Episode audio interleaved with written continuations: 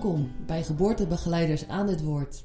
Het platform voor alles rondom het geboorteproces. Hartstikke leuk dat je er bent. Ik hoop je bij elke aflevering te verrassen met nieuwe informatie, invalshoeken en bijzondere verhalen van verschillende geboortebegeleiders. Zodat je hierdoor geïnspireerd en gesteund mag voelen in jouw proces. Laat mij vooral weten wat je ervan vindt via geboortebegeleidersaanhetwoord.nl. Ik wens je veel luisterplezier.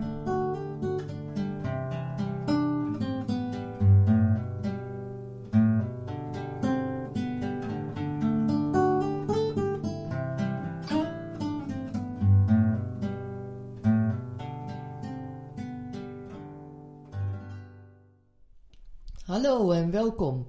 Dit is het tweede deel van het gesprek met Marianne van der Veen Kolkena.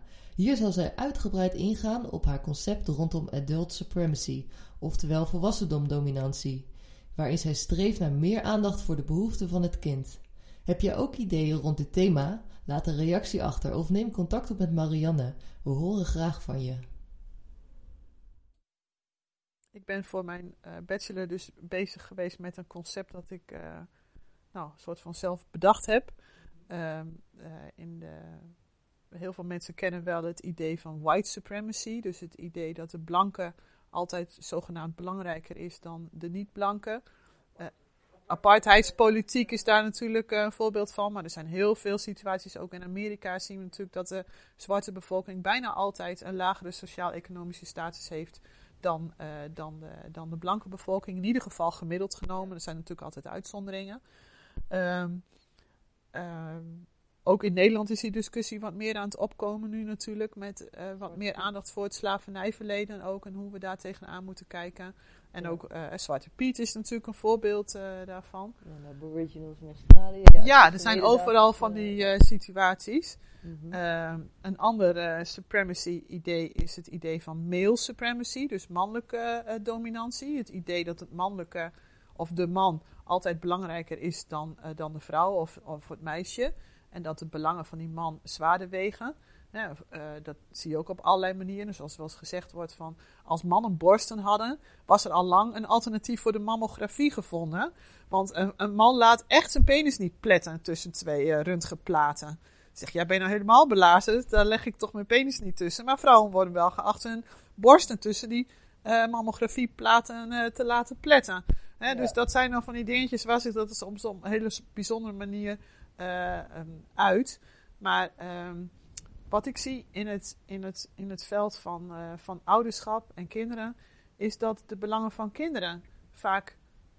Uh, want want de, de, de, de, de gezamenlijke aspect van, van male supremacy mm -hmm. of white supremacy is natuurlijk dat de ene groep zichzelf en zijn eigen belangen en interesses belangrijker vindt dan die van de groep die mm -hmm ja, de ondergeschikte positie uh, inneemt. Ik denk dat in heel veel gevallen tussen volwassenen en kinderen ook zoiets speelt. Geen gelijkwaardigheid. Nee, geen gelijkwaardigheid. Ja, en gelijkwaardigheid is altijd weer iets anders dan gelijkheid. Want gelijkheid is er natuurlijk niet. Tussen mannen en vrouwen niet. Nee. Uh, en tussen volwassenen en kinderen ook niet. maar gelijkwaardigheid, dat, dat is wat anders.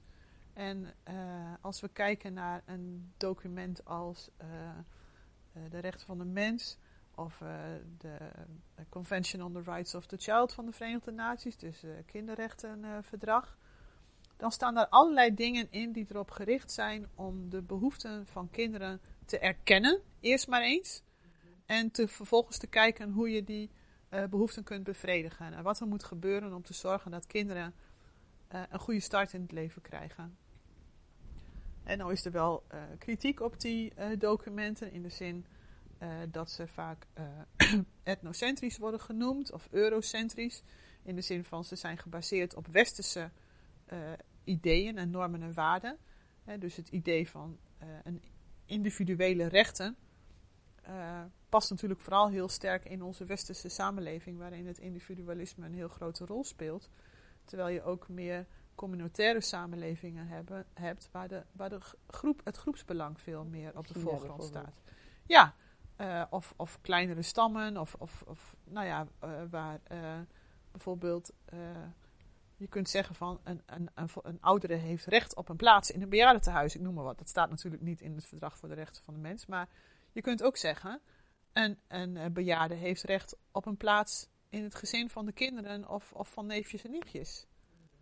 Ja. Dus hoe je dat soort rechten eh, formuleert, Mhm. eh, is wel afhankelijk van wat je cultureel gezien eh, belangrijk vindt. Mhm. Maar dat neemt niet weg dat ik denk dat er eh, ook in onze westerse samenleving heel veel eh, situaties zijn waarin eh, de rechten van het kind op zich wel worden eh, erkend, Mhm. maar niet op die manier praktisch eh gestalte krijgen. En daar heb je een term voor bedacht. En daar heb ik een term voor bedacht, inderdaad. Analoog aan die andere twee. En dat heb ik adult supremacy genoemd. Dus de volwassen dominantie. En daar, daar ben ik nu eh, allerlei ideeën over aan het vormen. Omdat ik denk dat die zowel op het microniveau, dus in het gezin, als in, op het macroniveau, dus in de samenleving, eh, terug te vinden eh, zijn. Dat soort situaties van adult supremacy. Zowel in hoe ouders misschien keuzes maken eh, naar hun kinderen toe. Dat- en daar komen dan ook allerlei dingen bij, zoals actief luisteren, zoals Thomas Gordon dat beschrijft. Ja, als je zegt van, hou eens op te zeuren, ik zit de krant lezen. Dat is heel iets anders dan, ik ga straks even met jou spelen, maar ik wil nu heel graag even de krant lezen. Dan geef je wat ze noemen een, een ik-boodschap, waarbij je aangeeft van, eh, dit is nu even belangrijk voor mij. Dat zegt niks over wat jij wilt of over jouw gedrag. Daar gaan we straks naar kijken. En dus de manier waarop je communiceert, ehm, de manier waarop er door ouders vaak met kinderen wordt gecommuniceerd, die zou je nooit eh, met vrienden bezigen, bijvoorbeeld. Mhm. Ja. Want dan zou je zeggen, ja, maar dat is betuttelend of niet respectvol of eh, weet ik veel. Of, eh, Bijvoorbeeld, ik heb ook een leven. Dat is de titel Ja. van je eind. ja, eh, van ja, van ja. Ik, eh, ik, heb, ik heb ook een eigen leven. Ja. Dat hoor je wel eens, hè? Kinderen heel veel aandacht op. Hij zegt, ja, hallo zeg. Ik heb ook nog een eigen leven. En dat vind ik altijd heel bijzonder. Want juist wat je net zegt, van de meeste mensen kiezen tegenwoordig eh, voor het krijgen van een kind.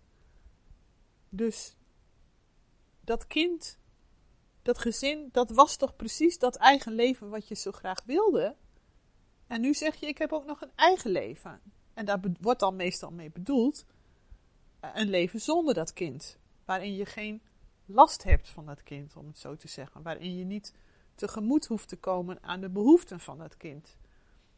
Dus hoe verhoudt zich dan dat eigen leven zonder kind tot, ja, hoe heet dan dat andere leven? Dat weet ik niet zo goed. Mark-Marie Huibrechts, de cabaretier, die zei een keer: We hebben geen parallel leven. Dus als je zegt van, ja, maar als ik de loterij had gewonnen, dan.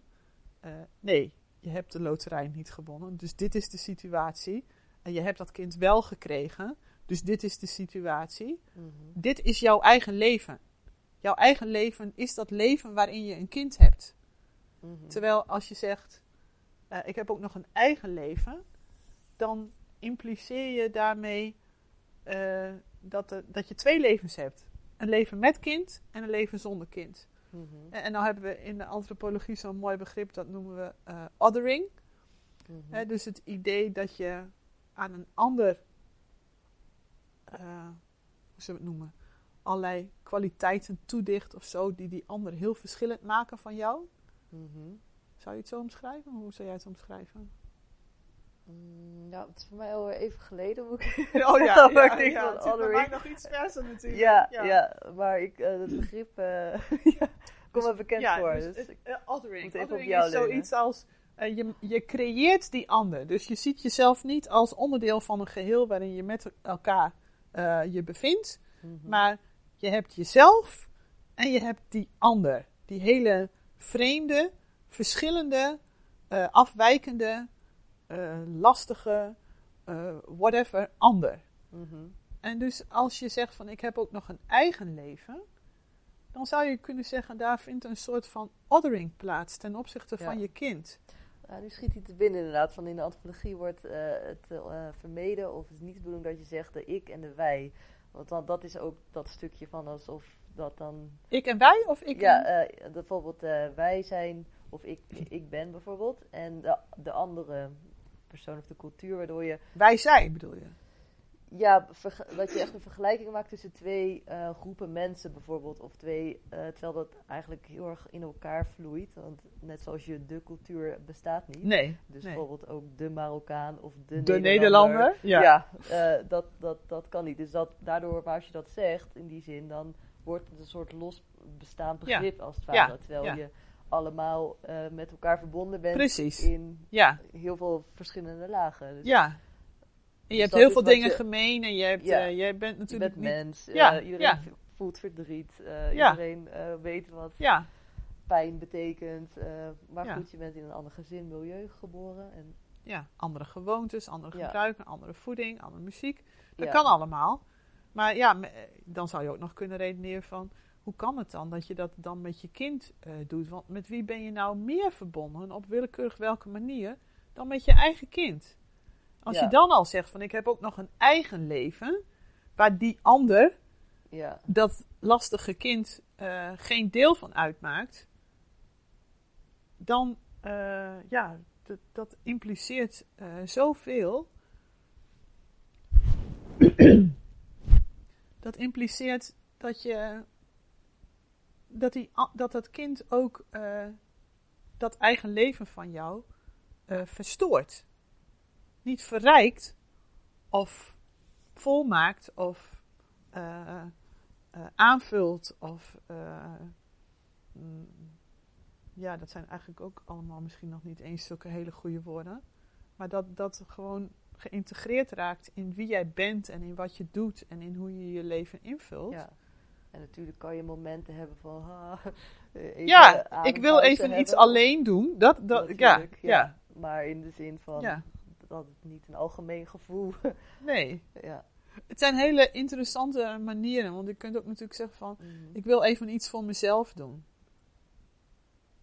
Wa- wanneer doe je iets voor jezelf? Dat is natuurlijk ook een beetje een uitdrukking, maar als je, als je, dat, eh, als je dat taalkundig analyseert, eh, ik, wil, ik heb ook nog een eigen leven, of eh, ik wil iets eh, voor mezelf doen, dat, dat impliceert ook dat je dat wat je met je kind deelt, dat je dat niet voor jezelf doet. Mhm. Eh, en dat dat, ja, wat, wat dat dan wel is, dat, dat, dat weet ik dan ook niet precies. Maar, eh, Mhm. ik bedoel, zeg je dat ook tegen je partner van, ja, eh, je- leuk hoor, maar ik heb ook nog een eigen leven. Mm, Maar je zegt, als ik zeg wel tegen Bar, oh, ik wil nu even iets voor mezelf doen. Even, Ja, eh, Ja, Ja. even met mijn eigen gedachtegangen zitten of Ja. zo bijvoorbeeld. Dat, dat kan, ja. of hoe zie jij dat? Ja, nou, daarom zeg ik, sommige dingen zijn natuurlijk ook staande uitdrukkingen die niet meer precies de letterlijke betekenis hebben van wat je zegt. Maar wat je bedoelt is in feite, ik wil even iets alleen doen. Mhm. En als we zouden zeggen, ik wil even iets alleen doen. Ja, dat zegt helemaal niks over wie dan ook. Ja, in die zin, ja. De, dat, is, dat is, ja, wat Thomas Gordon noemt een ik-boodschap. Ik wil even iets alleen doen.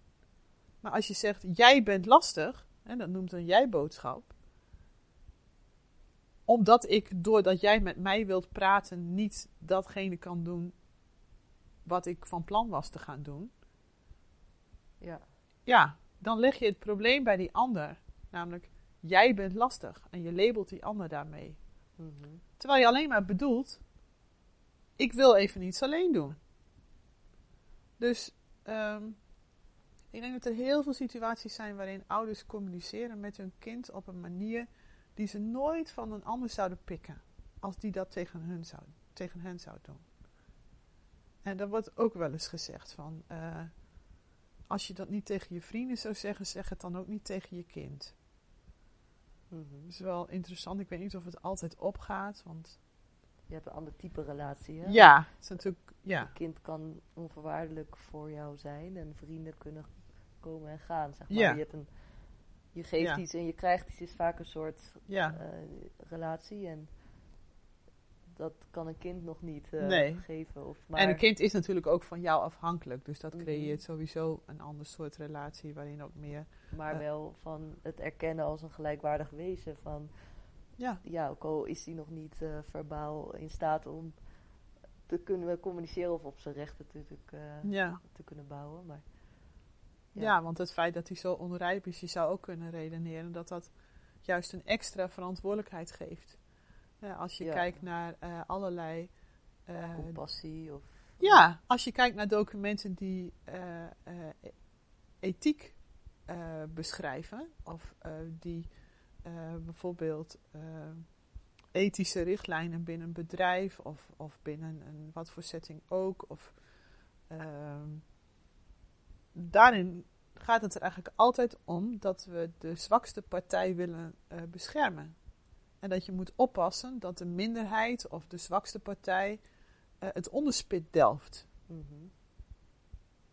Dus in feite is die, die, die kwestie van adult supremacy en hoe ga je met, uh, met kinderen om en hoe kom je aan hun behoeftes tegemoet?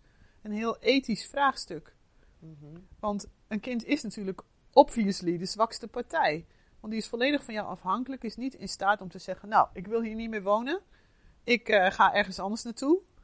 Ja, kinderen doen dat wel eens, maar het pakt meestal niet zo heel goed uit natuurlijk. Mm -hmm. ja. Maar een kind heeft te weinig uh, financiële uh, en, en, en, legale, of juridische en ehm, psychologische autonomie om zijn eigen leven te kunnen invullen.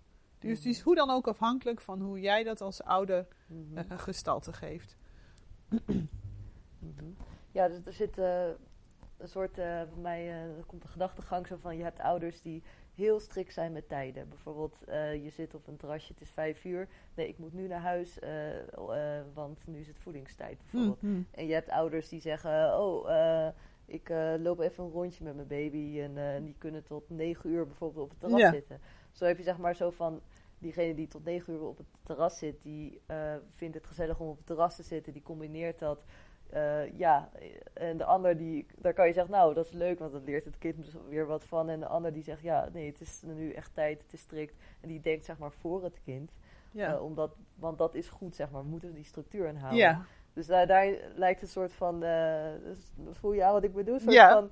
Ja, is, is de A of B, zeg maar, die van vijf uur of van negen ja. uur, wanneer ja. is daar adult supremacy? Ja, nou, dat is natuurlijk heel ingewikkeld. Want als je zegt van wat heeft een kind nodig, of uh, wat is goed voor een kind, of uh, wat, wat zijn de vaardigheden die een kind later in het leven zou moeten hebben, dat is natuurlijk ook allemaal weer cultureel gekleurd. Ja, en, en je denkt allebei voor het kind. Dus, ja. En het is weer ook wat voor kind is het. Ja. Uh, is het een kind die dat alleen maar prachtig ja. vindt? Of, of die helemaal ontregeld raakt als je tot negen uur daar blijft zitten? Ja, en of ligt dat aan de ouders dat het kind ontregeld ja, raakt? Ja, ja, is ja, het, ja, dat is eindeloos. Is het, ja, zeg maar dat een soort uh, adult supremacy is, is zeg maar, ik zie je point en dat is echt heel uh, waardevol en ook wel mooi om eens op ander perspectief ernaar te kijken. Mm, ja. Maar het lijkt me ook zo van als je zelf in die situatie zit, van ja, oh, waar, wanneer ben ik dat dan eigenlijk? Of, ja, dit is ook zo. Uh, het, is, het is een, uh, want je wil er ook weer niet een, ja, een schuldgevoel van hebben.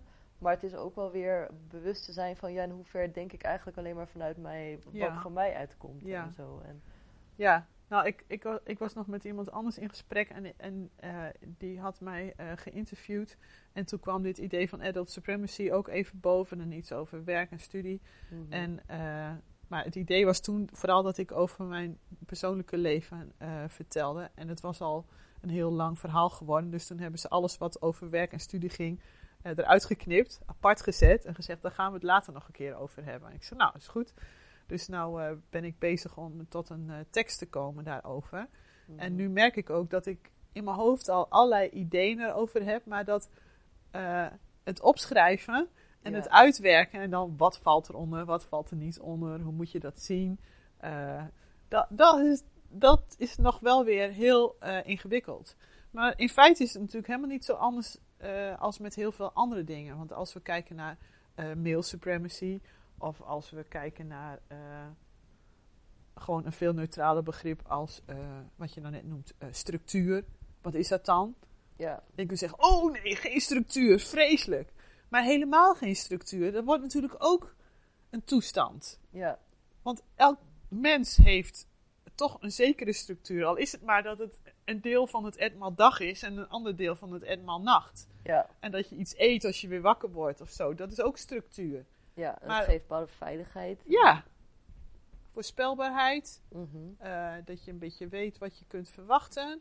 Waardoor je die vaste punten tot ankerpunten in je dagelijks leven kunt maken. En de tijd daartussenin kunt, kunt opvullen met andere dingen. Mhm. Dus ehm, er zijn natuurlijk heel veel begrippen die je zowel negatief als positief eh, kunt, kunt inkleuren. En die heel erg afhangen van wat versta je er dan onder. Ik heb daar zo vaak ook met de kinderen over gehad. Dus zo'n kreet is ook wel eens van, nou doe eens normaal zeg. Weet je, dat is ook een leuke kreet natuurlijk. Hè? Die Ja. ouders ook wel eh, bezigen. Maar eh, Ja, kinderen, normaal, die hoor je Ja, vaak. maar kinderen ook natuurlijk, hè. Nou ja, hey, doe even normaal, man. Of eh, ja, Ja. onze premier zelfs. Eh, maar ook, nou, dat is echt niet normaal. Ja, wat is normaal? En hebben we heel vaak met de kinderen over gehaald. En eh, daar plaagden ze me later nog wel eens mee. Ik heb vanaf dat ze vrij klein waren altijd gezegd... Normaal is een relatief begrip. Eh, wij aten bijvoorbeeld altijd pas rond 7 uur of zo. Want eh, Nico was niet eerder thuis. Dus voor ons was eh 7 uur avondeten normaal. Maar voor de meeste mensen is dat heel laat. Vroeger was het half zes, zes uur. Ja. Weet je wel? Nou, Ja. de meeste mensen eten misschien wel s'avonds zo rond zes uur of zo. Een beetje gezinnen, ja, heel veel misschien. Ja. Als je nog geen kinderen hebt, dan zal dat allemaal nog wel wat anders zijn. Maar als er Mhm. kinderen zijn, is dat vaak wel een tijd. Nou, zeven uur, het was ook wel eens kwart over zeven, half acht. Maar onze kinderen gingen bijvoorbeeld voor hun middagdutjes. Soms legde ik ze nog om, eh, om half drie, drie uur legde, legde ik ze nog in bed om even te slapen. Anderhalf of twee uur. Want dan Ja. waren ze nog even fris als Nico thuis kwam. En dan had hij er ook nog een beetje plezier van. Ja. En dan wist ik dat, we waarschijnlijk toch, dat ze toch waarschijnlijk pas weer om half negen eh gebadderd, gebadderd zouden zijn. Als we om half acht aan tafel staan, dan nog eten en dan even spelen nog en dan weet ik veel. Ja. Dus ik schoof gewoon, nou ja, schoof ons dagritme op. Ik schoof natuurlijk op ten opzichte van het gemiddelde. Want wanneer schuif je je dagritme op? In, in ja. ja. mediterrane landen eh, gaan restaurants geloof ik niet eerder open dan eh, ja. om zeven of acht uur s'avonds ja. of zo. Hè, dat kan je een keer merken als je op vakantie bent daar. Dus ehm, wat is opschuiven? Eh, wat is normaal? Wat is vroeg of laat eten? Alles is relatief. Mhm. Dus, en in de opvoeding is dat natuurlijk met heel veel dingen ook zo. En eh, als ik later wel eens tegen mijn kinderen zei van... Nou, hallo, doe normaal. Ja man, je hebt altijd gezegd... Normaal is een relatief begrip.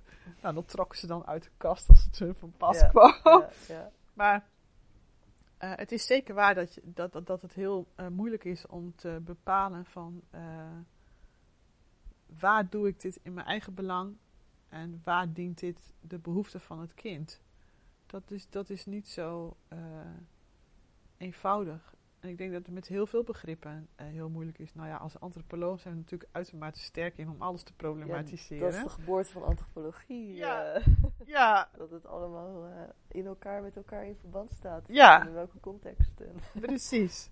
Ik Ja. weet nog dat ik met de vertaling bezig was van het boek van Jill en Niels Bergman. Dat heette Hold Your Pram.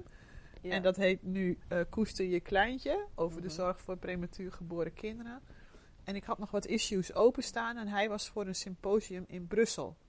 Maar hij woont in Zuid-Afrika. Ik dacht, nou dan is Brussel al aardig dichtbij. Mhm. Ik denk, dan ga ik ook naar dat symposium. En dan kunnen we even een afspraak maken. En dan kan ik met hem wat issues doornemen. Mhm. Toen had ik wat vragen openstaan en op een gegeven moment keek hij heel pijnzend. Well, Marianne, zei hij, you know, it's highly contextual. Oh, ik dacht, dat, dat is, vond ik heel diepzinnig.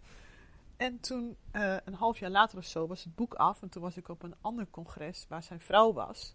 En ik had heel hard gewerkt, want ik wilde een gedrukt exemplaar eh, persoonlijk overhandigen Ja. aan haar. Want zij zou spreken op dat congres. Dus ze was helemaal blij met het eindresultaat. En ik vertelde dat ik met, haar- eh, met Niels, met haar man dus, nog samengewerkt had. En dat ik het heel, eh, heel mooi vond dat hij dat gezegd had. It's highly contextual. Ze trok een gezicht en ze keek mij aan en ze zei... Marianne, he always says that when he doesn't know what to say or when he's not interested. Toen, ik zeg, no. Yes! Zeggen ze. Ze zijn al heel lang samen, heel goed huwelijk. Eh, dus ik vond het zo grappig. Het idee van als je niet meer weet wat je erover zeggen moet, dan zeg je: Ja, dit is eigenlijk wel heel erg van de context afhankelijk. En tegelijkertijd is het ook bijna altijd waar. Ja, maar het is een heel... Uh, maar het is, kan ook een uh, enorme dooddoener, zijn. ja. Ja, precies. Oké, ja. Hmm. Ja, dus eh, ik denk dat het in de zorg voor kinderen zijn heel veel dingen ook eh, highly eh, contextual. In de zin dat ieder kind andere behoeftes heeft. Een kind dat snel overprikkeld raakt, daarmee moet je misschien wel om vijf uur naar huis gaan. Maar een kind dat pas lekker slaapt als het zich de hele dag heeft kunnen volzuigen met indrukken, Mhm. dan moet je voor al tot negen uur op dat terras blijven zitten. Maar je hebt gelijk dat het natuurlijk kan zijn dat dat ene kind heel snel overprikkeld raakt Mhm. omdat ouders niet vaak genoeg situaties creëren waarin het heel veel prikkels kan opdoen en kan leren daarmee om te gaan. Of als je een kind wel blootstelt aan die prikkels, maar vervolgens niet beschikbaar bent om met het kind eh, te praten over wat die prikkels allemaal teweeg hebben gebracht. En ik denk dat dat ook eh, een ding kan zijn als, als kinderen veel in een kinderopvang zijn en dan aan het einde van de dag naar huis komen. En dan eh, moeten eten en badderen en nog even kletsen en dan naar bed en de volgende dag weer net zo. Ja, hoeveel tijd is er dan om in de veiligheid van het contact met de ouder al die prikkels een plaats te geven en te verwerken en daar, daarover door te praten en dan later nog eens op terug te kunnen komen van, maar mam, we hadden het eh, toen daar en daar over en ik heb er nog eens over nagedacht. En dan moet je eigenlijk weer, bij wijze van spreken, een, een half uur of een uur kunnen gaan zitten en zeggen van, oh, nou, maar wat vond je ervan dan? Of, eh, Mhm. oh, dus dat viel nogal tegen. Ik weet nog dat onze jongste dochter, die was toen eh, bijna twaalf, die had echt een verschrikkelijke juf in groep 8. Het was echt een vreselijk mens. Ik vond het ook een vreselijk mens. Ik vond het niet zo snel, maar dit was echt een vreselijk mens. Ze was al wel vijf keer ontslagen van andere scholen. Ze kwam elke keer weer op een nieuwe school terecht. Totdat ze daar weer volledig dysfunctioneerde.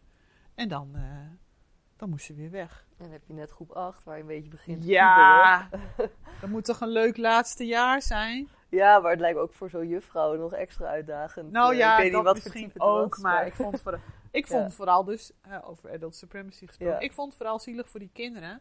Dat hun laatste schooljaar op de basisschool dat dat zo verliep met een juf die voortdurend kinderen tegen elkaar uitspeelde en heel echt gewoon. manipulatief. Ah, het was echt heel vervelend. Dus toen kwam ze een keer weer een keer de deur in en ik zag het meteen gezicht op onweer en nou barst in tranen uit gewoon van frustratie en van, van ergernis over de onrechtvaardigheid waarmee de juf bezig was geweest en wij hebben altijd ongesneden brood, dus ze moest daar brood gaan klaarmaken voor de lunch en ze pakte dat mes en ze zette dat in dat brood. ik zeg, nou, dit is de juf, zegt ze. ik zeg, ja, ik dacht al dat je zoiets dacht. Dus ze zaagde met grove gebaren een plak van het brood af. Maar al die emotie.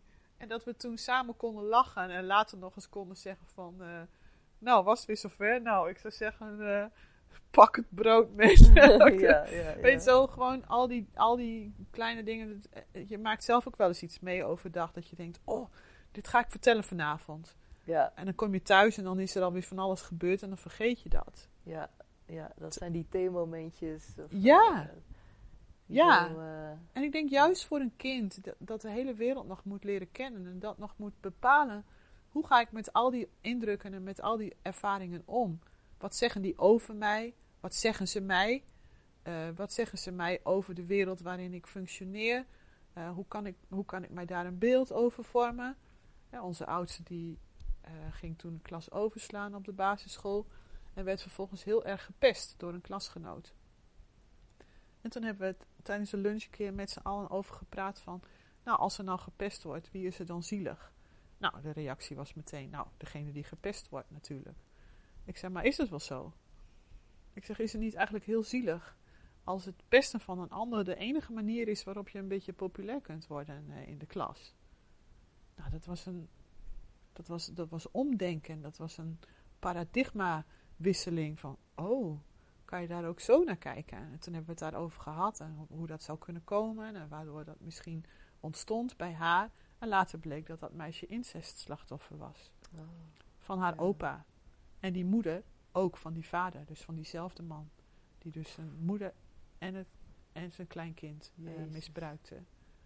Dus dat kind en die moeder die was eh, psychisch helemaal, eh, helemaal niet aanspreekbaar. Eigenlijk die functioneerde helemaal niet in haar eigen gezin. Die kon dat gezin niet goed draaiende houden.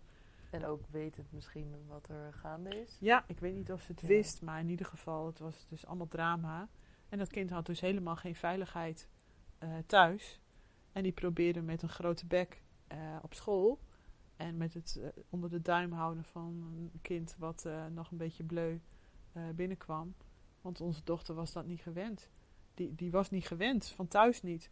Dat ze, zich, dat ze zo van zich af moest bijten. Mhm. Die hoefde thuis niet van zich af te bijten. Die hoefde niet de hele tijd op scherp te staan van valt mij iemand met een mes in de rug aan. Mhm, En ineens moest ze dat wel doen, hè? daar was ze niet op berekend.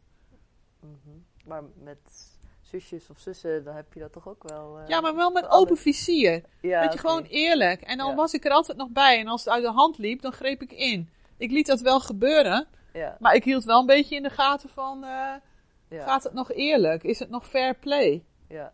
Ja, En- ja en dan, dan zit inderdaad achter je rug. Of, Ja. Ja. En, en toen allemaal een heel sneaky en dan samenspannen met andere klasgenoten die haar dan ook eh, een beetje aanpakten. Want ze was dus een jaar jonger.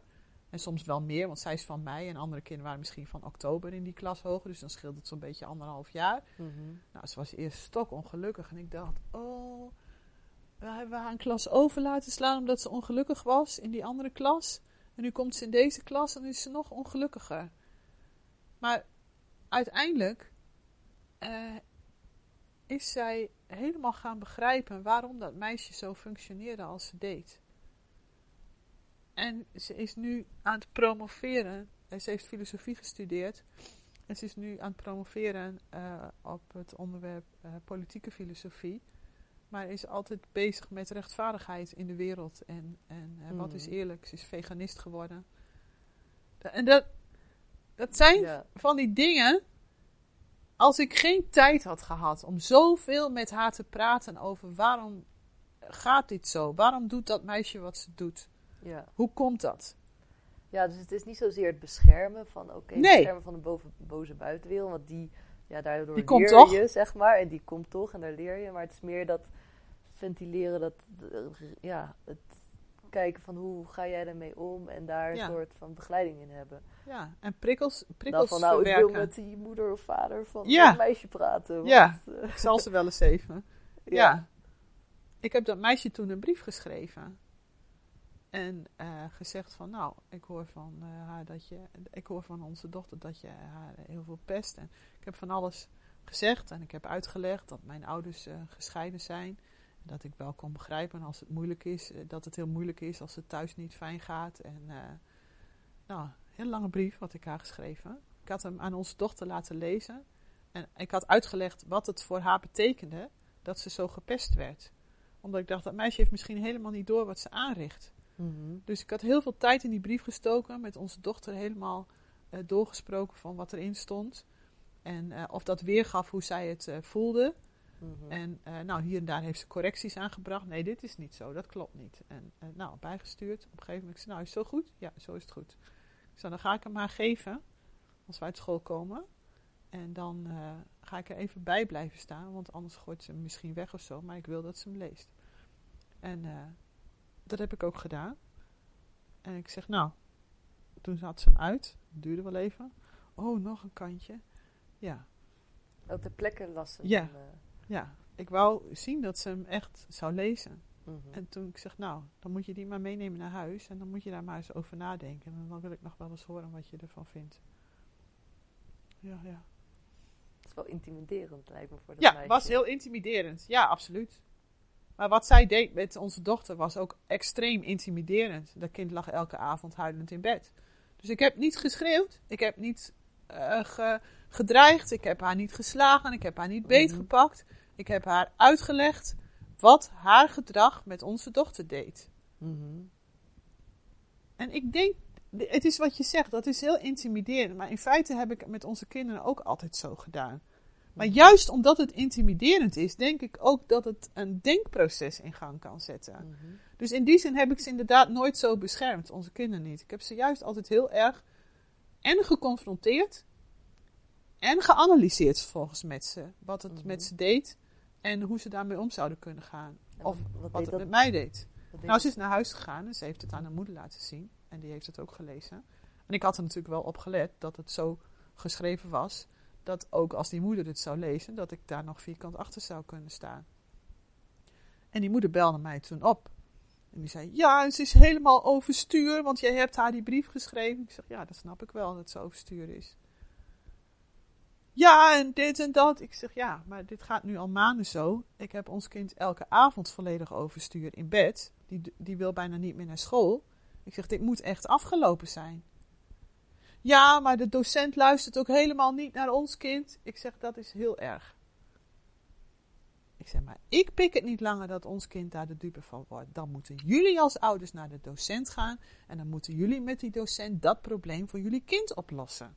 Maar dat kan niet via deze route. Dat gaat echt niet. Ik accepteer dat gewoon niet langer. Mhm. Ons kind gaat daar kapot aan.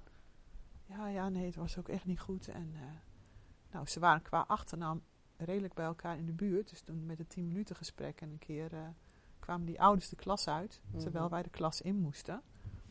Dus dat was een beetje schutterig, stonden we zo tegenover elkaar.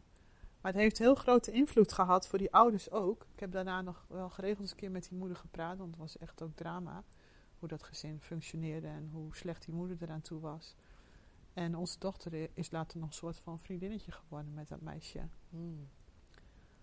Ik vond dat heel dapper van haar. Want daar kwam natuurlijk ook een enorme portie eh, vergevingsgezindheid bij kijken. Mm. Want zij had er echt heel veel last van gehad. Mm. En, eh, maar ik denk dat dat meisje ook wel voelde dat ik haar wel heel serieus nam. Want dat deed ik namelijk wel. Mm. Ik heb het allemaal uitgelegd, maar ik heb haar ook, hè, wat we net bespraken, verantwoordelijk gemaakt daarvoor. Mm. Dit is wat jij doet.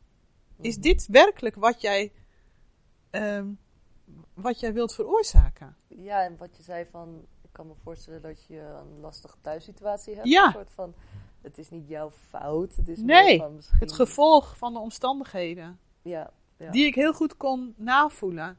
Want die, ik had zelf ook van die waardeloze thuisomstandigheden heel lang gehad. En niet bij iedereen uitzicht dat op dezelfde manier. Het ene kind trekt zich heel erg terug. Mm. Het andere kind wordt agressief naar anderen toe. Maar in feite is het allemaal hetzelfde probleem. Het is gewoon trauma. Mhm. En ehm, ze hebben elkaar nu nog steeds op Facebook. En, eh, Oh ja, ja, Ja. ja. ja, dus dat, Mooi, ja. ja, dat, dat, dat vind ik dan heel eh, bijzondere dingen. Maar het zijn wel dingen die heel veel tijd kosten. Want ik had natuurlijk al dagen ook gekoud op hoe ga ik dit zeggen en hoe ga ik Ja, dit opschrijven. Of ga je ingrijpen Ja, of niet? Ja, dat ging al maanden. Ja, ja, dus dat is... eh, En ik denk dat het heel moeilijk is om als je helemaal opgeslurpt wordt door, door een Ja. drukke baan, eh, om daar dan helemaal in te duiken. Mijn man deed het ook niet. Nou ja, en ook dat voelt het kind dat die gehoord wordt. Want Ja. als een moeder druk is, waarom zou ik dan mijn verhaal doen? Eh, want het komt niet lastig aan. vallen. Ja. lastig vallen, ben ik weer lastig, zeg maar. Dus dat is natuurlijk ook weer van, komt het überhaupt naar boven of niet? Ja, ja, ja. En, eh, en natuurlijk, ja, hoeveel ruimte heb je bij jezelf? Ja, zijn Ja, dus als je zegt van eh, ben je perfectionistisch, nou dan, dan zeg ik niet dat ik dit allemaal perfect gedaan heb, maar het is wel zo dat als ik eh, met dingen bezig ben, dat ik er wel heel erg dan diep induik Ja. om Volledige aandacht. volle ja, probeer wel volledige aandacht eh, te geven. En ik heb wel het gevoel eh, dat dat eh, in heel veel situaties goed gelukt is. Er zijn ook wel situaties waarbij ik gezegd heb van... Ik heb tegen één dochter ook wel gezegd... Oh, dat had ik echt anders moeten doen met jou toen. Nou, wat dan? Maar dat heb ik toch wel goed gedaan? Ik zei, nee, ik vind niet dat ik dat goed gedaan Ja, heb. Dat had Maar doordat je dat kan zeggen, is toch al... eh, ja, maar, ja, maar hoe, Ja. wat had je dan anders kunnen doen, zegt ze. Ik zeg, dat weet ik niet precies, maar ik denk toch echt dat jij een behoefte had die ik niet gezien heb. En dat ik daarom reageerde zoals ik deed. Maar dat werkte helemaal niet goed uit. Dus ja. ehm, eh, zij vinden dat wel meevalt. En, ik, ik vind, en misschien stel ik soms ook dan irrealistische eisen. Want je kunt als ouder, nou ja, wat is perfect? Ik bedoel, daar gaan we weer. Dan is de definitie ook alweer van wat is perfect. ik zag van de week op mijn Facebookgroep een hele discussie ging over borstvoeding en kunstvoeding. Maar uh, toen was het, uh, nou ja, als je het geprobeerd hebt en het voelt goed voor jou, dan is het goed. Ja, ik dacht nee. Dat vind ik dan toch ook weer niet. Natuurlijk is intentie en, en inspanning en toewijding, dit zijn allemaal hele belangrijke dingen. Maar het is niet zo dat je kunt zeggen van, uh, als het voor mij goed voelt, dan is het goed. Mhm. Want dat zou ik dan weer adult supremacy uh, noemen. Als het voor mij goed voelt, dan is het goed. Mhm. Wat, wat zou jij uh, willen meegeven aan, aan ouders, moeders eigenlijk in dit geval? Als, mhm. nou ja, met al je studie, met al je ervaringen als lactatiekundige, maar ook als moeder. Op dat gebied, zeg maar. Um, of op wat, ja, wat voor gebied dan ook je nu aan denkt. Um, ik, ik, ik citeer tegenwoordig vaak in presentaties uh, Frederick Douglass. Dat was een 19e eh, eeuwse abolitionist in de Verenigde Staten. Dus die beijverde zich voor de afschaffing van de slavernij. En een citaat dat aan hem wordt toegeschreven is... Uh, It's easier to build strong children than to repair broken men. Dus, nou, sommigen vallen over men, omdat het natuurlijk dan humans zou moeten zijn of zo. Ja. Maar uh, dus het is gemakkelijker om sterke kinderen uh, groot te brengen dan om ze te repareren als ze een keer uh, beschadigd zijn. En ik denk dat dat inderdaad zo is. Dus dat. Ehm, mhm. Maar daar kan ook soms de kracht in zitten, in die trauma. Maar goed, dat is misschien. nou ja, natuurlijk. Het is zo dat er zijn ouders die vervallen zeg maar in dezelfde mhm. fouten als hun eigen ouders hebben gemaakt. Er zijn ook ouders die zeggen van, maar zo wil ik het in ieder geval niet, dus ik ga het heel anders doen. Mhm. Eh, eh, voor mij geldt dat laatste van, ik ga het heel anders doen. Maar mijn zusje is overleden toen ze 32 was. En uh, voor haar heeft het allemaal helemaal niet goed uitgepakt. En ik weet eigenlijk zeker dat, dat het trauma wat zij misschien veel minder uitte in haar puberteit dan ik, haar uiteindelijk de kop heeft gekost. Omdat ze het uh, wat weg heeft gedrukt en dat het later allemaal toch terug is gekomen. Dus natuurlijk kan trauma ook een heel sterke drive zijn om uh, het anders en om het beter te doen. Jullie waren met z'n tweeën? We waren met z'n tweeën, ja. ja. Maar uh, ik, ik denk... Heftig uh, Ja, ik denk wel dat het... Uh, dat het... Als je in staat bent om te, te kunnen en te durven kijken door de ogen van je kind alsof jij dat zelf was. Uh, van hoe, hoe zou ik mij voelen als dit nu tegen mij zou worden gezegd of uh, als dit nu met mij zou worden gedaan. Uh, dat, dat inleven in waar, waar voel je je goed bij en, en waar, wat zijn de dingen waardoor je het gevoel hebt dat je een een gewaardeerd en een bemind mens bent die de moeite waard is. Uh, als, als je dat lukt en als je dan ziet van, ik, dat lukt me heel vaak niet. Of uh, ik zie dingen die, die me niet bevallen of waar ik juist heel verdrietig van word. Ja, dat het goed is om, om daar dan mee aan de slag te gaan. Zelf of met, met hulp of en ook toch soms wel om je in te lezen. En ik, ik vind het idee van volg je intuïtie, maar dat, dat klinkt aan de ene kant heel mooi. Maar aan de andere kant is onze samenleving ook wel zo complex geworden. Dat het soms moeilijk te bepalen is of iets intuïtie is. Of een cultureel geconstrueerd beeld van hoe het meestal gaat. Ja. En uh, als je weet, wat ik ook niet wist, uh, lang geleden Ehm, dat hersencellen groeien als er veel oxytocine wordt aangemaakt. Hè, een, een, hormoon dat groei stimuleert, maar een hormoon ook dat vrijkomt bij positief sociaal contact, bij seks, bij, bij de weeën tijdens de baring. bij het verteren van je voedsel, bij positieve huidstimulatie, dus huid-op-huid contact, dragen van baby's in een draagdoek. Dat zijn allemaal processen waarbij dat, dat niet-cognitieve deel van, van wie jij als mens bent, dus je, je, je meer basale functies, je basale lichamelijke functies, ehm,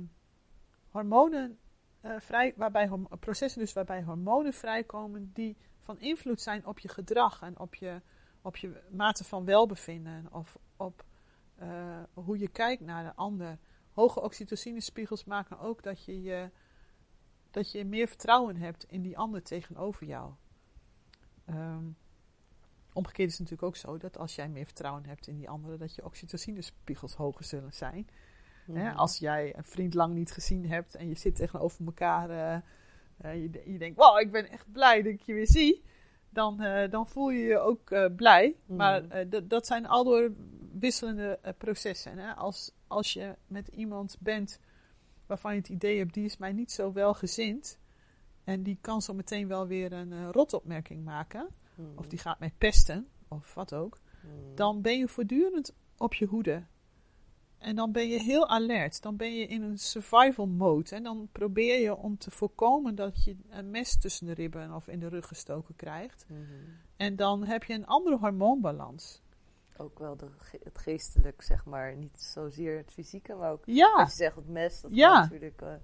Ja, en dat is vanuit de evolutie het idee van als er een leeuw om de hoek ligt, dan moet je alert zijn om weg te kunnen rennen. Fight or Mhm. flight of freeze desnoods. Hè? Helemaal stil Ja. liggen.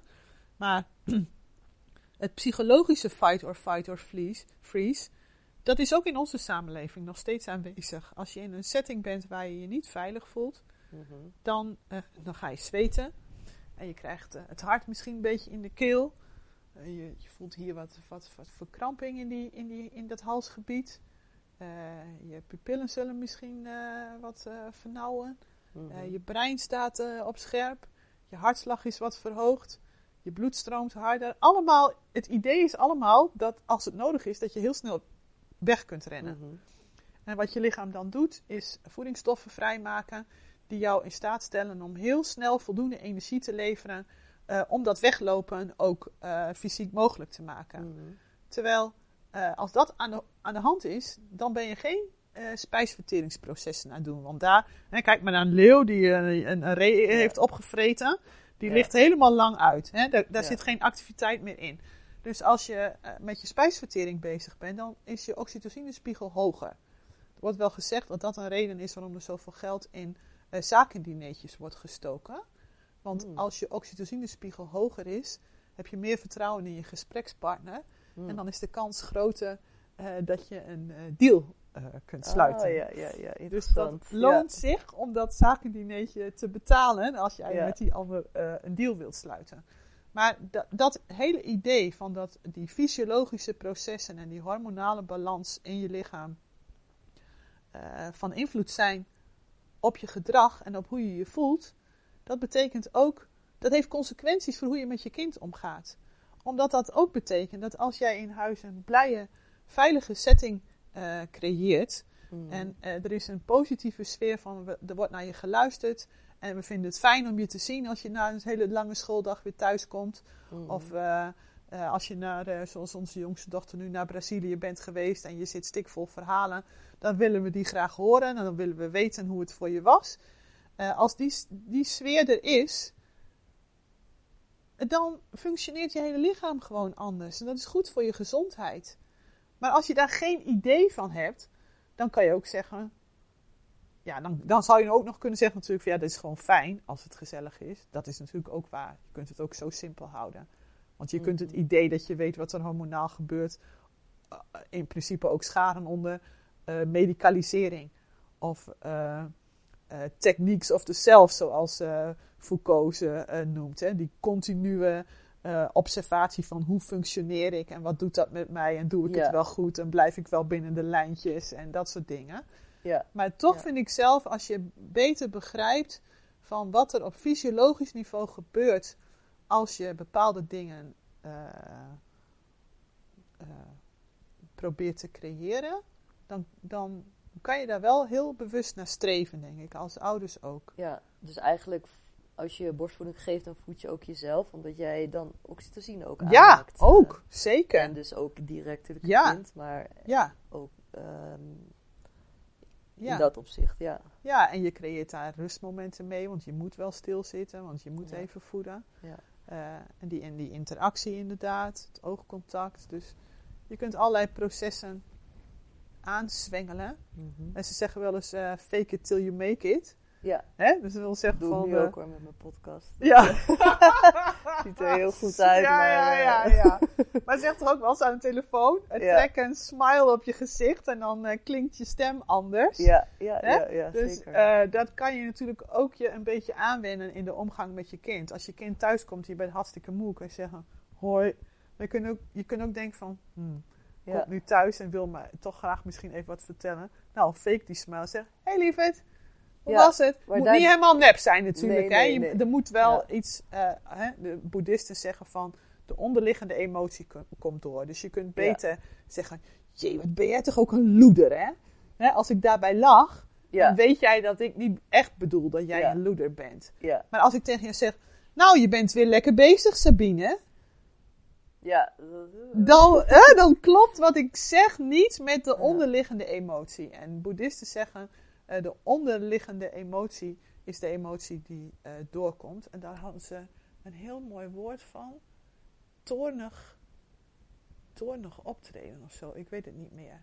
Maar je kunt, je kunt beter zeggen tegen een kind, nou, ik vind dit gewoon echt niet leuk wat je doet. En dan, dan laat je wel, dat is ook een ik-boodschap trouwens, maar dat is iets anders. Nou schat, goed gedaan hoor. Ja, Als je eigenlijk bedoelt, jemig, wat heb je je weer rottig eh, opgesteld vandaag. Hè, dus ehm,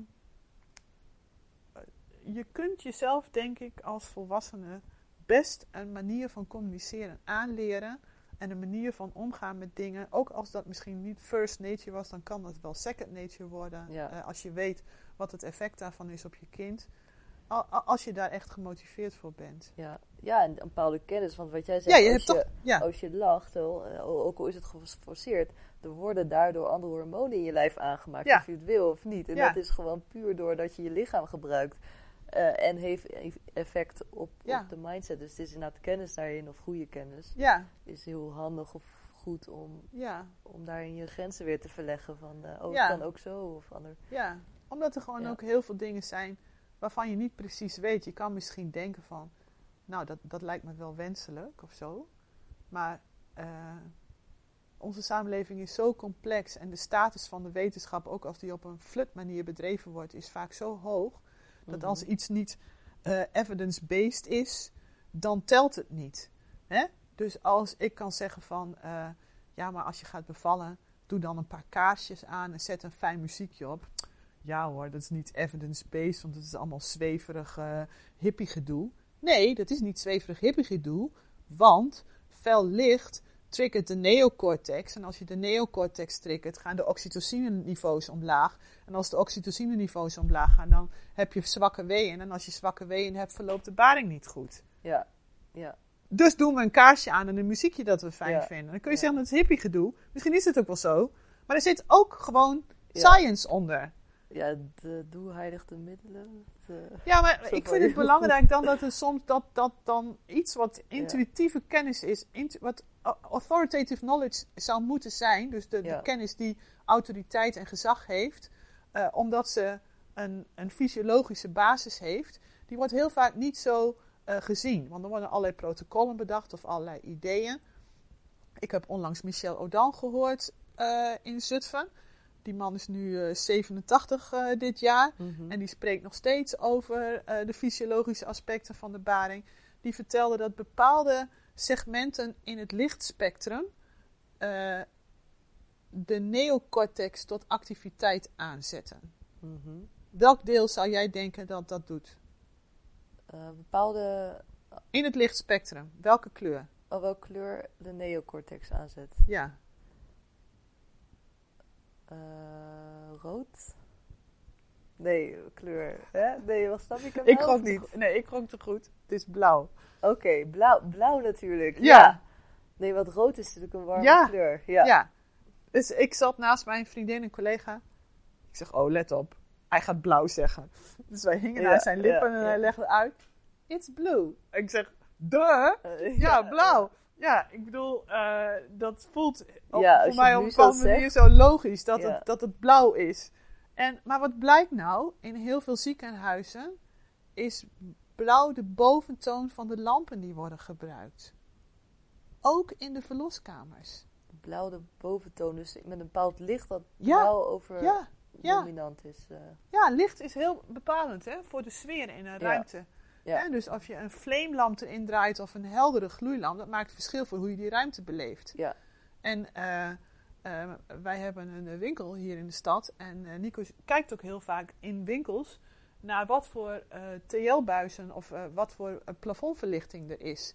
Hè, en nu met dat nieuwe LED en zo zijn ze nog heel erg zoekende ja. om bepaalde kleurtinten weer goed terug erin te krijgen. Om een bepaalde sfeer neer te zetten in die moeilijk. ruimte. Ja. Maar dat, is, dat, dat wordt, schijnt steeds beter te worden, maar ik geloof dat het nog niet optimaal is. Nog niet zoals we dat Nee. gewend waren van gloeilampen. En als we dadelijk toch zonne-energie hebben, dan is dat heel idee van ledlampen ook. Nou ja, ik weet nog niet hoe ze dat eh, allemaal al gaan doen in ieder geval. Maar hij kijkt dus altijd daarnaar, omdat Ja. de sfeer in een winkel eh, ook bepalend kan zijn voor wat mensen kopen en of ze überhaupt kopen. En dat het dus belangrijk is als je een afdeling verbouwt, eh, wat, je, wat voor lichtplan je hebt. En wat voor licht er langs de wanden zit en wat voor licht er aan het plafond is. En wat het totale lichtbeeld is op zo'n afdeling. Ja. Maar als Ja. je nou weet dat wat eh, Michel Odan noemt neocortical inhibition, dus de activiteit van de Mhm. neocortex leidt tot een remming van het geboorteproces, als dat veroorzaakt wordt door blauw licht, Ja. dan is dat toch niet de kleur licht waarmee je een verloskamer moet uitrusten. Nee. Maar nee. dat gebeurt dus wel. En dus dan kun je zeggen van iets is zweverig of iets is hippie gedoe of weet ik veel. Maar daar zit gewoon wetenschap onder. Ja. En op het moment dat je die kennis hebt, kun je dus ook keuzes die door in sommige sectoren van de gezondheidszorg of de samenleving misschien als zweverig of hippie of alternatief of eh, weet ik veel wat eh, betiteld worden, dan kan je gewoon zeggen: nee, dat is helemaal niet zweverig, want zus en zo en dit en dat. Dan kan je het gewoon Mhm. uitleggen dat het nuttig is om te zorgen dat je je ontspannen voelt, omdat het eh, je brein aanzet tot groei. En omdat dan de synapsen goed worden aangelegd, de verbindingen Ja. tussen de neuronen. Oftewel, we kunnen nog niet alles meten Nee. op de effecten van, of Nee. langdurige effecten bijvoorbeeld. Dus in dat, daar kan je bijvoorbeeld weer je intuïtie, wat net over hadden, is soms lastig, maar toch heb je wel een bepaald gevoel bij iets. En Ja, van eh, wat voelt prettig aan. En ja, als je in een hele blauwe omgeving bent.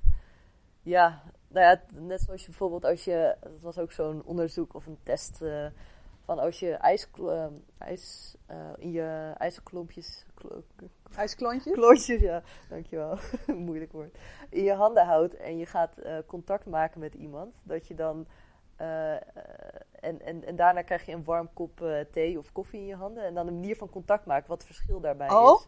En je schijnt dus dat je veel gereserveerder bent met dus dat ijs in je handen, zeg maar, Ah. dus dat, dat je lichaam koud voelt En zich afsluit. afsluit is het dus letterlijk ook. eh, dan bijvoorbeeld wanneer je iets warms hebt. Ja. eh, dat je veel makkelijker eh, opener bent over Ja. hoe je voelt en uitbundiger en enzovoort. En dat zie je natuurlijk ook wel ja, een beetje terug in de, de Spaans-landige ta- eh, de Spaanse eh, cultuur en ja. eh, landen inderdaad. En natuurlijk het ja. Nederland en alles Ja, daarboven. oh van. ja, ja, ja. Dus dat het niet zo zit in ons mens zijn van, goh, die mensen die in Nederland Hmm. of Noorwegen zitten, die zijn wat gereserveerder. Maar het is hoe je reageert op dus de omgeving. In dit geval dan wat je tastbaar Cultureel voelt. en- materialisme, gewoon toch een beetje het idee van de, de materiële omstandigheden waarin een cultuur zich bevindt, eh, beïnvloeden ook bepaalde gedragingen dus. Eh, ja, dit is dan meer het fysiek, dus het vanuit de zintuigen. Dus het, wat je ziet qua kleur en wat je voelt, zeg Ja. maar. Dus eh, cultuur is dan meer wat gevormd wordt. En dit is echt het ja, tastbare, dus wat je met je zintuigen ervaart. Ja, maar En- cultureel materialisme is toch van eh, als je bijvoorbeeld ehm, zoiets als wat wij ook geleerd hebben, de poldercultuur in Nederland. Mhm. Dat, dat is het idee van eh, hier was altijd zo, het water zo hoog. Dus boeren moesten altijd met elkaar overleggen om die waterstand te reguleren. Anders zouden ze allemaal kopje ondergaan. Mhm. En dus hebben wij een poldercultuur van Ja, eindeloos ja. compromissen sluiten. ja, Omdat de materiële omstandigheden eh, dat van oudsher nodig hebben gemaakt. dus als je zegt van die kou, als de materiële omstandigheden zo zijn dat mensen heel vaak koude handen hebben en daardoor fysiek, fysiologisch zich meer eh, afsluiten, dan, dan wordt hun gedrag naar hun sociale omgeving ook een beetje meer eh, zo. Ja, dat is dan inderdaad een persoon inderdaad van de cultuur. Is dat je, ja, wat je zegt, van Ja. daardoor steeds eh, het gewoon is om te vergaderen. Of zoals in Nederland, daar komen de, de meeste woorden eh, in voor wat eh, voor vergaderen, zeg maar. Hmm. De- wij hebben Oh, als ja? taal, als Nederland, de Dan zal meeste die woorden... zijn. Ja. Ja. voor als je dus elkaar eh, ja, even bij elkaar komt om iets te bespreken. En dat, Oh ja. dat, dat nog veel meer dan in andere Oh, culturen. grappig. ja, dus dat, dat, dat kan je dan weer aan de taal terugleiden. Ja. En inderdaad, cultuur heb je. Ja, zo- en ook de huizen wordt ook zo ingericht. Dus en dat, dat, is gewoon ja, interessant om te weten. Ja, Van, ja. wees bewust van je omgeving en Ja. wat wil je bereiken, wat is je doel. Nou, als je natuurlijk een goede bevalling wil, van oké, wa- hoe, wat kan ik, hoe kan ik mijn omgeving inrichten? En welke kennis is daarvan of zo. Of dat prachtig, prachtig van is. En, maar omgeving is natuurlijk maar een factor. Ja. wat je ja. zegt, het is ook... Vertrouwen in je lichaam is natuurlijk ook iets wat van jongs af aan wordt opgebouwd. En kan je je eigen lichaam aanvaarden. En eh, dat, dat, dat is, vind ik trouwens ook wel, er wordt ook wel gezegd, hè, de, je seksuele ontwikkeling eh, begint eh, aan de borst. Daar waar je je als kind, zou je kunnen stellen, kunt verlustigen aan een ander lichaam. En je helemaal kunt overgeven met hoge oxytocinespiegels. Oh, Nou, ja. Dat, Ja. dat komt aardig dicht bij een orgasme. En die vriendin bij wie ik wel thee ging drinken, en toen onze oudste geboren werd, Ja. die, die eh, had haar zoon aan de borst en die was acht weken ouder dan onze dochter of zo. En eh, ze zegt, oh, soms ligt hij zo die ogen te draaien. En ik denk, nou, je hebt gewoon een orgasme nu aan de borst. Maar je, ik denk dat je dat als Ja. een soort equivalent zou, zou kunnen zien. Gewoon je over kunnen geven aan een ander lichaam, aan een ander mens. Waarvan je weet, ik ben hier veilig. Deze persoon houdt van mij. Ik houd van deze persoon. Eh, wij, wij vloeien helemaal samen en wij gaan letterlijk en figuurlijk in elkaar op. Ja. Ja. Ja, eh, oké, dan is het met de borst en anders is het eh, meer in de schaamstreek. Maar het, ik bedoel, het gaat niet zozeer om die seks. Het gaat meer om het principe van: kun je je veilig overgeven aan een ander? En weet je dat die ander jou niet zal beschadigen, maar alleen maar uit is op jouw welzijn, eh, jouw genot en jouw eh, behoeftebevrediging en jou letterlijk omarmt en omhult. Mhm. En eh, als je die ervaring opdoet als baby, ja, dan zou ik me kunnen voorstellen dat je ook beter leert te onderscheiden van wanneer word ik door die ander echt eh, bemind en echt aanvaard. Omdat je dat gevoel kent en herkent en kunt, kunt Mhm.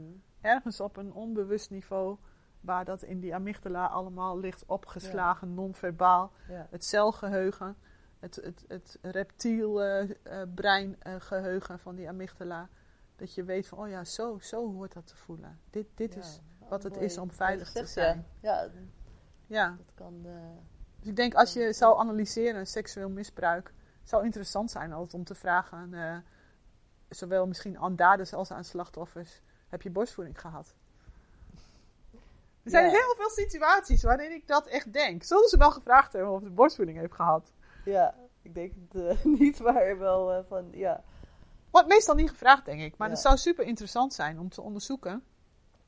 ja, of inderdaad grenzen aangeven. Wat natuurlijk Ja. iets is van als het voor jou altijd werd aangegeven. Wat is mijn grens of zo? Ja. In die zin. Ja, een kind dat niet meer wil, die kan gewoon de borst loslaten. Mhm. Maar als een kind de fles niet meer wil, dan, dan, dan moet hij. Ja, dan moet hij heel actief. Ja. eh, soms zeggen we ja, maar deze, dit, dit kind drinkt al Ja. zo lang aan de borst, die wordt gewoon gedwongen. Nou, je kunt een kind, eh, een kind dat niet aan de borst wil, kan je niet dwingen. Dan zal toch echt zijn mond open moeten doen. Natuurlijk kun je wel, als een kind vier of vijf is, een bepaalde gewoonte in stand houden. En dan kun je op een gegeven moment natuurlijk wel kijken wiens behoefte is het nog. Is het de behoefte van het kind of de behoefte van de ouder? Ja. Er zijn natuurlijk ook ouders die een eh, niet zo eh florissante eh, jeugd hebben gehad. En voor wie het moeilijk is als, een, als hun kind hen minder nodig heeft. Mhm. Dus dat is een andere kant Ja, van die medaille nog ja. weer. Ja. Natuurlijk heeft je kindje heel erg nodig, maar de kunst van, eh, van gezond ouderschap is denk ik ook om te weten wanneer je moet loslaten. Niet alleen wanneer je er moet zijn en wanneer je moet vasthouden en koesteren, maar ook wanneer je kunt en moet loslaten. En je ziet het natuurlijk, als het gaat om uh, advies en in het ouderschap, is het heel vaak, naar mijn idee, precies verkeerd om. Baby's moeten al heel snel uh, alleen slapen, van de borst af, niet te vaak drinken, uh, zelfredzaam zijn, zelfregulatie, niet al getroost worden. Dus alles is gericht op separatie tussen, tussen kind en verzorger. Mhm. En dan worden ze puber. En dan krijgen ze ineens regels over wanneer ze thuis moeten zijn en hoe laat en uh, waar ze wel en niet heen mogen. Mhm. Terwijl je ook zou kunnen denken van als je nou in het begin dat allemaal gewoon laat gebeuren, denk je dan niet dat een kind dat later zelf kan beoordelen? Mhm. Ja, Ja, ik denk dat dat. eh, andere, hele andere eh, ja, invalshoek waarvan je denkt van, eh, ja. wanneer hou je vast en wanneer laat je los en wanneer duw je weg? En loslaten is iets anders dan wegduwen. Mhm. Ik denk als je in het begin zoveel zelfstandigheid van een kind vergt, dan is het bijna wegduwen. Dan is het geen loslaten. Mhm. Want jij bent amper begonnen met vasthouden. En dan ga je alweer eh Ja. wegduwen. Dus je kan niet loslaten als je niet hebt vastgehouden. Dan. Een soort van die twee. Nee, dat denk ik. Dat denk ik. Je moet eerst leren hoe vast te houden. En dan moet je misschien ook leren om los te laten. Maar dat hangt natuurlijk ook weer af van hoeveel vertrouwen of je in dat kind hebt. Ja. Als je denkt van nou, die kan dat wel. Dat komt wel goed. Maar als je denkt nou. Maar ja, dat En is ook iets wat je. jezelf. Ja, dat is ook iets wat je moet leren. Niels Ja. Bur of ehm, Jack Newman, een arts die zegt, een Canadese arts die zegt, eh, babies learn to breastfeed by breastfeeding, Mhm. and mothers learn to breastfeed by breastfeeding. En dat is het leuke van het Engelse woord to breastfeed, omdat moeders en baby's dat allebei doen. Mhm. Maar bij ons werkt dat eh, niet zo, want wij zeggen borstvoeding geven. Mhm. En ja, we zeggen ook niet eens borstvoeding nemen. Dat zeggen we. Aan de borst drinken of zo. Of gevoed worden. Wat een hele passieve, passieve in, het, in het woord zelf al een passieve ding Mhm. is. Gevoed worden. Mhm. Je kunt ook Ja. zeggen een baby voedt zichzelf. Idealiter is dat wat er gebeurt. Mhm. Als je de borst beschikbaar maakt, dan voedt een kind zichzelf. Dus het Engelse woord is veel mooier. Maar wat hij zegt is: babies learn to breastfeed by breastfeeding, mothers learn to breastfeed by breastfeeding. Dus je moet het doen om het te leren. Dus net als met fietsen. Je kunt wel vijf boeken over lezen, maar je zult gewoon toch echt op die fiets moeten stappen en moeten voelen hoe dat is Ja. om dat evenwicht te vinden. En ik denk dat dat met vertrouwen geven en met loslaten ook voor een deel zo is. Je kunt alleen maar eh, verantwoordelijkheid leren dragen als je ook verantwoordelijkheden krijgt. Als, ik zei tegen de kinderen dan altijd: jongens, nog een kwartier tot Sesamstraat. Vroeger was dat nog op een fatsoenlijk tijdstip. Nu Ja. niet meer, geloof ik. En nu op een hele vage zender. Maar dat was dan, eh, Sesamstraat was om zes uur geloof ik of zo, of om kwart over zes, weet ik veel. En dan zei ik van nou, ga eerst even opruimen, dan is dat klaar. Dan kun je dan even Sesamstraat kijken. Dus in het begin was het van, als jullie nu beginnen, dan heb je denk ik genoeg tijd. En dan kan je dan rustig Sesamstraat kijken. En op een gegeven moment zei ik, kwart voor zes. Oh, jongens, kom, snel. Kwart voor zes. Toen wist ze Ja. wat kwart voor zes was. Ze wist Ja. eerst niet wat kwart voor zes was natuurlijk. Nee. En in het begin ruimden ze ook lang niet zo snel op als later. En hing natuurlijk ook af van hoeveel zin of ze hadden. De ene keer ging het natuurlijk sneller dan de andere keer. En de ene keer was een grotere puinhoop dan de andere keer. Maar, ehm, of, of zoiets als eh rits dicht doen. Of veten strikken. Of je gesp, eh, je Mhm. gesp dichtmaken of zo. Ik had soms kinderen te spelen. Zei, nou, je moet zo naar huis, hè. Mama komt zo. Of eh, we gaan zo op de fiets. Ik breng je terug. Doe je jas Mhm. maar aan. Kan ik niet. Eh, doe je schoenen maar aan. Nee, kan ik niet. Ja, kan ik niet. Ja, ja. Ja, dan moet je natuurlijk dan eh, eerst tijd insteken voordat een kind dat kan. Mhm. Maar doe je dat dan voor een kind? Of geef je een kind die verantwoordelijkheid? Ja. Om zijn eigen jas dicht te doen of om zijn eigen veters te strikken. ja. Als je die verantwoordelijkheid geeft, kan hij daarmee oefenen. Maar in het Ja. begin betekent dat natuurlijk ook dat jij daar tijd in moet steken. Want je moet helpen, omdat hij dat niet in één keer zelf Ja. kan. Ja. Dus eh, verantwoordelijkheid dragen, dat moet je volgens mij al heel jong eh, leren. Mhm. Met een taak die op je, op je niveau is afgestemd. Mhm. En dan kan je denk ik ook eh, als ouders goed loslaten. En, Ja, ik wil nog even de. Er is echt zoveel eh, besproken. En eh, ja, ontzettend uh, diep en boeiend. En ik dacht, ik wil even de laatste vraag aan je Ja. stellen. Ik zie dat we al bijna 2,5 uur zitten. Oh nee, echt? Ik, eh, of al over de 2,5 uur. Ik schrok, eh, Ja. ik schrok Nou, dan knip je er maar uit hoor, Nee, als het te lang duurt. Ja. niet. Nee, maar dat is hartstikke mooi. In de Ja. zin, dan zie je dat zo'n gesprek zo voorbij is ook. Ja. Maar ik dacht, deze vraag vind ik nog leuk. Zeker in de situatie, of nou ja, niet situatie, de, de, eh, waar je nu staat, zeg maar, in je leven. Van, als je- wat is je droom voor de komende vijf jaar? Hmm. Ehm, komend jaar eh, worden wij nog een keer opa en oma. Wij zijn nu eh, in juni opa en oma geworden van ons eerste kleinkindje en kleindochter. En naar het schijnt komt er een kleinzoon in oktober. Dus daar wil ik wat tijd in steken in die twee kleine lieve kindertjes. Eh, verder moet ik voor mijn eh, lactatiekundige certificering weer eh, examen doen. Dat examen moet ik voorbereiden. En ik wil in september 2018 eh, aan mijn master beginnen, medische antropologie. En daarvoor wil ik nog een aantal klassiekers lezen, cover to cover. Niet hier en daar een hoofdstukje, maar van voor tot eind. Van voor naar achter. Eh, dus dat is voor het komende jaar. En dan ga ik in 2018, september 2018, wil ik dus graag die master gaan doen. Nou, dan is er ook zomaar weer een jaar om, eh, als je weer aan het studeren bent. En daarna, ik weet het niet. Ik zit nog wel eens een beetje te denken of als ik dan nu toch lekker bezig ben, een promotieonderzoek misschien ook nog mooi zou zijn. het zo doen. ik weet niet of ik dat volhoud drie jaar lang in die academische setting. Want ik vind het ook heerlijk om komend jaar weer een beetje meer eh, actief in mijn werkveld bezig te zijn. In plaats van alleen maar met de neus in de boeken. in de voorpantarij? Of andere- Ja, voor mijn praktijk en eh, presentaties geven. Ik heb Mhm. voor de komende periode al verschillende dingen op programma staan en stukken schrijven. Ik wil dat hele idee van adult supremacy verder eh, uitwerken. Daar met mensen Mhm. voor gaan zitten en conceptueel over nadenken. Maar mijn, ja, mijn grote droom, en of dat nou eh, via een promotie zou zijn of op een andere manier. eh, ik wil nog graag niet een boek vertalen, maar een boek schrijven. Dus eh, daar. ik heb eh, drie boeken vertaald. ik heb drie boeken vertaald, maar eh, dat is natuurlijk nog weer iets anders dan een boek schrijven.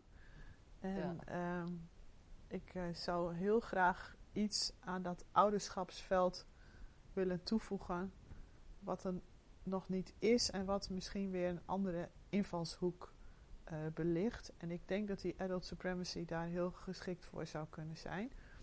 En dan is het idee natuurlijk niet om er vervolgens eh, child supremacy van eh, te maken. Zo van niet de volwassenen moeten baas zijn, maar het kind moet de baas zijn.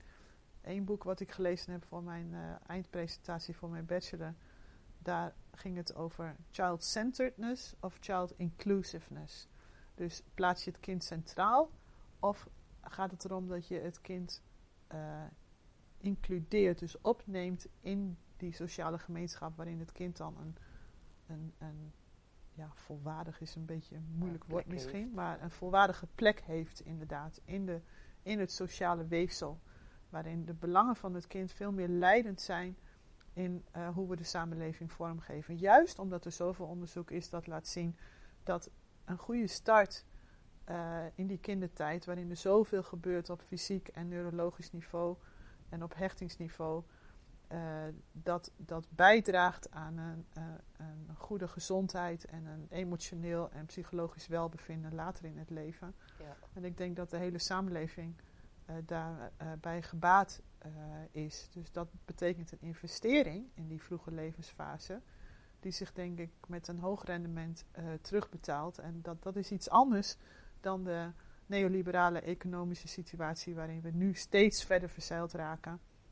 Waarin dat korte termijn denken en dat, dat snelle, snelle winst maken op een, veel grotere prioriteit heeft dan hoe, hoe, hoe, waar zit de zingeving en waar zit geluk. Eh, er is ook een happiness index in de wereld. Costa Rica heeft daar, eh, stond daar op nummer 1 een paar jaar geleden. Ik weet niet hoe het nu is. Maar, dus de beste verhouding tussen economisch en eh, psychologisch-emotioneel welzijn. Mhm. Dus een, een niet te hoge voetafdruk. En toch een, een, een, een- welzijnsniveau of welvaartsniveau. Dus niet, niet alleen maar materieel, maar vooral ook psychologisch en, Ja. en emotioneel En daar een veel betere balans in vinden. Want uh, de rijkdom in het Westen garandeert dat geluk niet. Uh, maar de armoede in heel veel andere delen in de wereld gaat dat zeker niet uh, tot nee. stand brengen. Dus ook, ook daar zie je dat de, de, effecten van dat neoliberalisme, waarin geen ruimte is voor die vroege, vroege intensieve zorg voor kinderen, omdat alles draait om omzet en winst. Mm-hmm. en om zo laag mogelijke prijzen, zodat volwassenen tegen zo weinig mogelijk kosten van alles kunnen aanschaffen en alsmaar weer kunnen vervangen. Daarin verdwijnt volledig wat het belang is van een uh, veilige, uh, gezonde kindertijd. En ik ja. denk als we dat meer als, als startpunt zouden kunnen nemen, dan, dan gaat alles schuiven. Want dan, ja. Dan moet je alles veranderen. Uh, dan, dan moet je anders kijken naar hoe, hoe beschermen we vrouwen zodat ze hun zwangerschap goed kunnen doorlopen. Hoe begeleiden we vrouwen zodat ze goed kunnen baren en dat ze geruime tijd borstvoeding kunnen geven. Maar ook hoe zorgen we ervoor dat er in niet zulke schrijnende armoede is in heel veel delen in de wereld, waardoor vrouwen uitgebuit worden of verhandeld worden of mm. voortdurend slachtoffer zijn van seksueel misbruik of uh, prostitutie. Uh, dus um, ik denk dat uh, meer kijken door de ogen van kinderen, dat dat een enorme verschuiving in allerlei processen in de samenleving zou kunnen geven. En daar, ik wil graag iets schrijven wat daaraan bijdraagt. Wow. Om dat beter te kunnen doen. Super interessant. ik schrijf me alvast in voor, het, uh, voor een exemplaar. Ja, je moet al een uh, crowdfundingsactie starten of zo. Ja, precies. Nou ja, misschien moet ik gewoon beginnen komend jaar met aantekeningen te gaan maken en ideeën te verzamelen. En uh, ik ja. wil wat, wat wat groepsinterviews of zo gaan doen. Ik, ik, weet nog niet precies, ja. maar horen wat mensen hun ideeën dus daarover gaan, zijn. Ik ga nog horen van jou. Ja, maar dan moet je komen, hè? Dan ja, ga ik je uitnodigen ja, voor die sessie. Ja. Gewoon een beetje antropologische voor... input. Ja. De hele dag voor vrijmaken. Ja, want, ja. ik had het voor, de, ik had het voor me bachelorafronding al willen doen en dan die input meenemen. Maar dat kreeg dat organisatorisch niet meer rond. Maar ik, ik ga daar uh, zeker de komende periode werk van maken. Want er zijn verschillende mensen die al hebben aangegeven dat ze het leuk vinden om daarover mee te denken. En ja. nou, daar wil ik mee verder. Dan, daar ben ik zeker wel vijf jaar zoet mee, denk ja, ik. Ja, ja nou ontzettend bedankt Marianne. Ja, graag gedaan Sabine. Bedankt. Ja.